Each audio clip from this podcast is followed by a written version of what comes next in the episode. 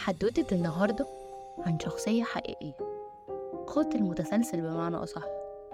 بس ما أقدرش أقولك إنها حدوتة مرعبة لأن أصلا إجمالي ضحايا أول عن آخر ما تجاوزش سبع ضحايا ولا كان ليه طريقة سرية في قتلهم تخليك تخاف ولا أي حاجة. أمال هحكي لك عنه ليه؟ لأنه يا عزيزي صاحب أشهر قضية غير محلولة في التاريخ الأمريكي كله. يلا نبدأ حلقتنا. أنا خلود الوحش. وخلصتنا النهاردة عن زودياك. سفاح كاليفورنيا.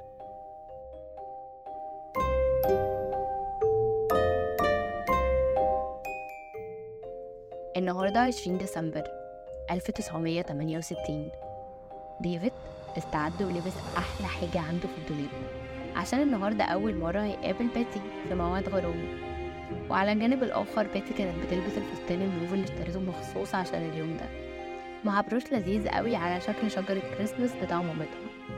قلبين صغيرين حب مراهق لكن للأسف مستنيين نهاية مش سعيدة. اتقابل ديفيد وبيتي في حفلة التخرج بتاعة المدرسة بتاعتهم. قضوا وقت لطيف مع صحابهم وقرروا يروحوا ممر العشاق بعربية ديفيد. ركنوا العربية وقفوا خمس دقايق في الضلمة في صمت كله حب. بس في لحظة مشاعر الحب دي اتحولت لمشاعر توتر. فجأة ظهر شخص من العدم. ملامحه مش باينة بيكلموه ما بيردش وفي أقل من الثانية كان مطلع مسدسه وضارب الاتنين. الشرطة قالت في تقرير الحادثة إنها لما وصلت كان ديفيد لسه عايش ولسه بيتنفس وكان مصاب بطلق ناري واحد جنب ودنه. بس على ما نقلوه المستشفى كان لفظ أنفاسه الأخيرة. أما بيتي فلقوا جثتها على بعد 8 متر من العربية مصابة بخمس طلقات في ظهرها واتنين في دماغها بإجمالي سبع رصاصات. أول افتراض طبعا في الحالة دي كان إن الجريمة أكيد جريمة بدافع الغيرة خصوصا وإن بيتي لوحدها واخدة سبع طلقات. واستمرت التحقيقات بناء على الافتراض ده علشان بعد شهور من البحث الشرطة متوصلش لحاجة. وفي يوم 5 يوليو سنة 1969 يحصل نفس الحادثة لتاني مرة في نفس المكان مع زوجين مختلفين تماما. وفي تفصيلة مهمة في الجريمة دي هقولك عليها بعدين. المرة دي الشرطة جالها أغرب دليل. اتصال تليفوني من راجل مجهول الهوية ما قالش فيه غير جملة واحدة بس. أنا زودياك القاتل. وأنا برضو اللي قتلت المراهقين السنة اللي فاتت. بيقفل الخط. دي عزيزي المستمع ما كانتش بداية حل اللغز دي كانت بداية تعقيده. لأن بعد ثلاث أسابيع وتحديدا يوم 31 يوليو زودياك بعت ثلاث رسائل لثلاث جرايد مختلفة سان فرانسيسكو كرونيكل فاليو تايمز هيرالد وسان فرانسيسكو إكزامينر. بس محدش فهم منها حاجة لأنها كانت رسائل مشفرة برموز غير مفهومة. ما لحقوش يفوقوا من صدمة الشفرات عشان يوم 27 سبتمبر تستقبل الشرطة بلاغ بمقتل راجل اسمه براين. وبنت اسمها سيسيليا شيبرد. بس المرة دي مش بالمسدس المرة دي كانوا مقتولين بطعنات قاتلة. لما وصلوا لقوا حاجتين أغرب من بعض. أول حاجة الضحايا مربوطين بحبال سميكة. وتاني حاجة عينيهم متغمية. هتقولي دلوقتي طب ما ممكن يكون أي حد تاني غير زودياك اللي قتلهم؟ طالما طريقة القتل مش واحدة. هقولك للأسف البلاغ اللي وصل للشرطة كان من زودياك نفسه. والمرة دي الشفرة بتاعته كانت محفورة على عربية براين. الوضع بقى صعب الضحايا بتزيد والغموض كمان بيزيد. ولحد دلوقتي مفيش مشتبه فيه واحد الشرطة قادرة توجه له اتهاماتها عشان في أواخر شهر أكتوبر تستقبل صحيفة سان فرانسيسكو كرونيكل رسالة جديدة من زودياك.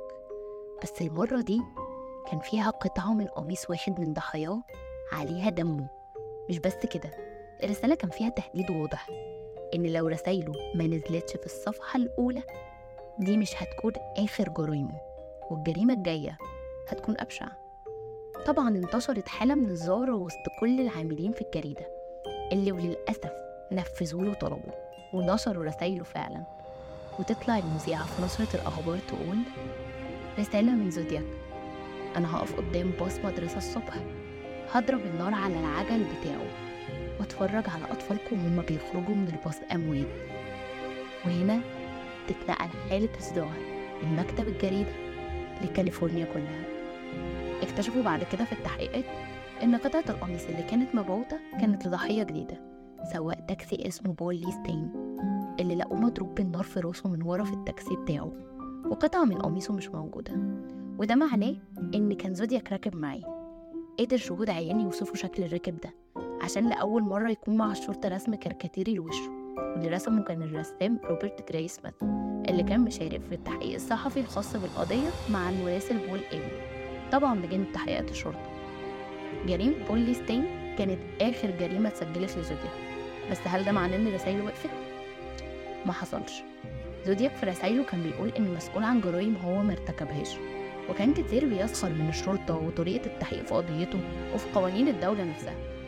أما عن دوافعه فما فيش دوافع هو بيتسلى بس مش أكتر.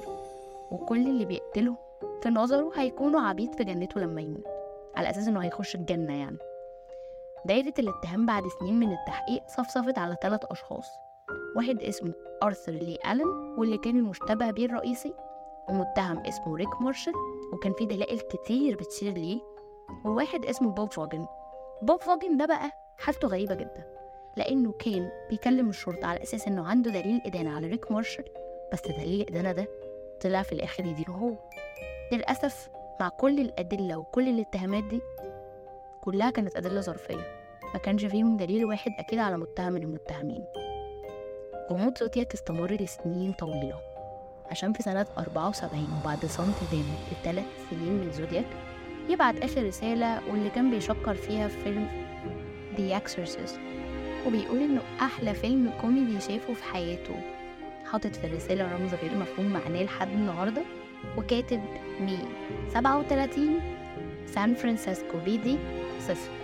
في دلالة منه يعني إنه قتل 37 شخص وشرطة سان فرانسيسكو ما قدرتش تقبض عليه لحد دلوقتي. وبعدها بعد الرسالة دي زودياك اختفى تماما. البحث عن زودياك ما وقفش باختفائه. سنة 1991 الشرطي الجديد اللي مسك قضيته يقدر يوصل لناجي من ضحاياه. فاكرين لما قلتلكوا إن الجريمة دي فيها تفصيلة مهمة؟ هي دي بقى التفصيلة المهمة. واحد من ضحايا زودياك كان عايش ولكنه هرب تماما واختفى بعد طول من المستشفى. وما كانش حد قادر يوصل له. لما وروله صورة المشتبه فيهم أول واحد شاور عليه كان آرثر لي ألين بس للأسف شهادته كانت غير موثوق فيها لأنه وقتها كان عدى 22 سنة على اليوم اللي زودياك ضرب فيه النار عليه. لحد اللحظة اللي بحكي لك فيها الحدوتة دي قضية زودياك متحلتش ولسه قضية مفتوحة والتحقيقات فيها شغالة ولسه زودياك شخصية مجهولة بس سنة 2020 قدر مبرمج من فيرجينيا اسمه ديفيد أورانشاك ومبرمج بلجيكي اسمه يارل فان إك وعالم رياضيات أسترالي اسمه سام بليك يفكوا شفرة أول رسالة بعتها زودياك واللي اتسمت الشفرة 340 وجريدة واشنطن بوست نشرت فك الشفرة للجمهور وقتها. قصة زودياك اتعملت فيلم بطولة روبرت داوني جونيور جيك جيلنهيل ومارك رافالو وكانت إخراج ديفيد فينشر. والفيلم كان بيتاخد عن رواية بتحمل نفس الاسم للكاتب روبرت جراي سميث أيوة هو رسام الكاريكاتير اللي كان مشارك في التحقيق الخاص بالقضية. اتفرج على الفيلم لأنه فيه تفاصيل كتير قوي أنا ملحقتش أقولها لك في حدوتة النهاردة. وقولي في comment على الفيسبوك من رأيك. إيه الدافع ورا جرايم زودياك دي كلها؟ أكيد مش لمجرد التسلية يعني. كده تكون حدوتتنا خلصت. استنوني الخميس الجاي حدوتة جديدة معايا أنا خلود الوحش وده بودكاست خلصت.